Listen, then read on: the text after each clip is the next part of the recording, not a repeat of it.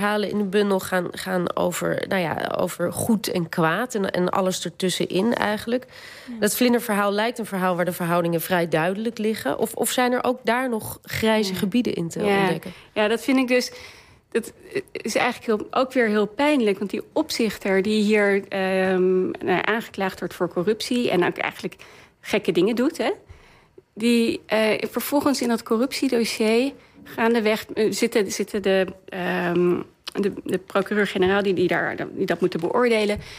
Die zit, die zit een beetje ermee in zijn maag. Want ze willen het ook niet. Uh, ze willen eigenlijk geen strafzaak van maken. Want dan krijgt het ook veel te veel aandacht. Um, dat is in de pers dat is ook niet goed. En dan was er weer zo'n zinnetje waar ik nou, bijna over struikelde, maar wat me ook wel heel erg raakte. En dat is dat er gezegd werd.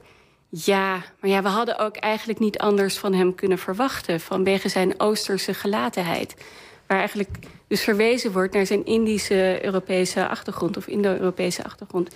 Dus eigenlijk is dat een hele racistische redenering die daar zo een beetje terloops langskomt uh, in dat dossier. En, dan gaat het dus om de opzichter. Ja, ja. ja precies. En dan, en, en, en dan, nou ja, dan, die wereld wordt dus steeds complexer, maar uh, vooral ook steeds naarder als je dat. Uh, en dat, heb je, ja, en dat heb je dus in al je verhalen. Eigenlijk, het is een vermenging van verschillende verhalen... waarin al dit soort dingen samenkomen. En, en je probeert eigenlijk dat zwart-wit denken misschien een beetje in te vullen. Of, of, of te nuance, ja. ja. niet te nuanceren, maar ja, ja, nee, het is geen boek waarin ik zeg... nou, het viel allemaal wel mee of zo. Dus nuanceren op die manier absoluut niet.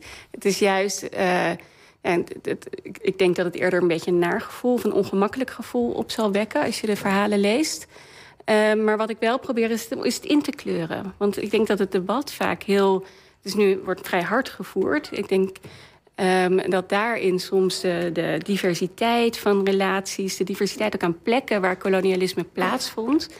Um, uh, soms een beetje naar de achtergrond verdwijnt. En ik denk dat het heel goed is om aan de hand van eigenlijk een hele kleine verhalen um, die wereld weer tot leven te brengen, zodat we het ook kunnen invoelen. Hoe het was voor een jongetje om geroofd te worden en tot slaaf gemaakt te worden.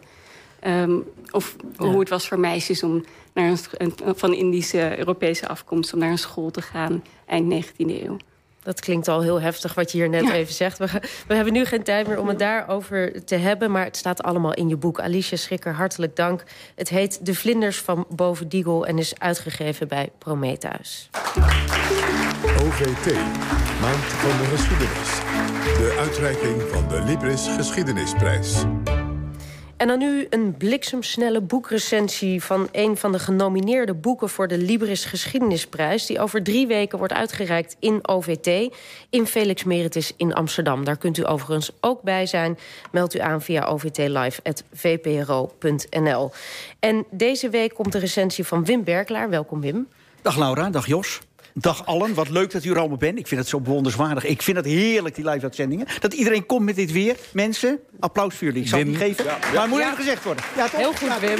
Heel goed. Nee, dat wil ik toch graag even zeggen. Wim, Welk boek ga je bespreken? Ik bespreek nu het boek uh, van Jelle Gamers, Willem Drees, Daadkracht en Idealisme. Moet je voorstellen, Jelle Gamers, dat is een uh, medewerker geweest van Hans Daalder. Hans Daalder, de uh, aantal jaren geleden gestorven politicoloog. Die hebben vijf delen over Willem Drees geschreven. Nou, nou, je weet, er is vijf, ja, zes delen ooit vier, over... 4000 bladzijden. Ja, zo, ja, en dat, kijk, Drees is 102 jaar geworden. Kun je zeggen, nou, daar kun je vijf delen aan wijden. Maar in dit huidige internettijdperk kan eigenlijk niet meer. Dus heel goed van Jelle Gamers dat hij in 14 hoofdstukken met hele mooie titels. Uh, wethouder, uh, nationaal politicus, minister-president, uh, icoon. Hè, uiteindelijk wordt Drees natuurlijk een icoon. Dat hij in 14 hoofdstukken een heel goed beeld schrijft van een man waarvan hij dus de titel geeft Daadkracht en Idealisme. Wat ook echt goed gekozen is. Maar je zou ook kunnen zeggen, Drees was met hartstocht gematigd. Bij, nadruk op beide woorden. Dat betekent, die man had, ik moest onvermijdelijk aan Rutte denken. Drees was net als Rutte een man die gericht was op oplossingen. Maar bij Rutte is het zo dat je denkt, die is dan, dan weer groen-rechts. Dan is die van de Vroenpartij. En de vraag van Rutte is, dat hoor je algemeen... verder is het een hoogst bekwame man, daar ga ik niks aan afdoen. Ik bedoel, je zou toch minister-president zijn voor tien jaar... dus daar ga ik niks negatiefs over zeggen.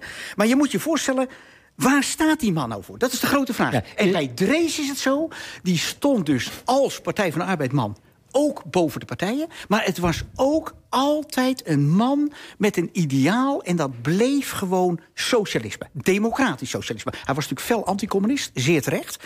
Uh, maar dat moet even gezegd. Hij was een democratisch socialist. En dat, ja, dat, is, dat komt uit het boek geweldig naar voren. Dus zeer terechte nominatie. 102 jaar Drees in 428 pagina's. Ja, Wim, is het grootste verschil tussen Rutte en uh, Drees niet... dat Rutte een kleine neus en Drees een grote neus had? Ja, ik hoorde, ik hoorde net al uh, iets over uh, beeldvorming. En, uh, maar dit klinkt mij toch wel een beetje als Lombroso en schedelmeting.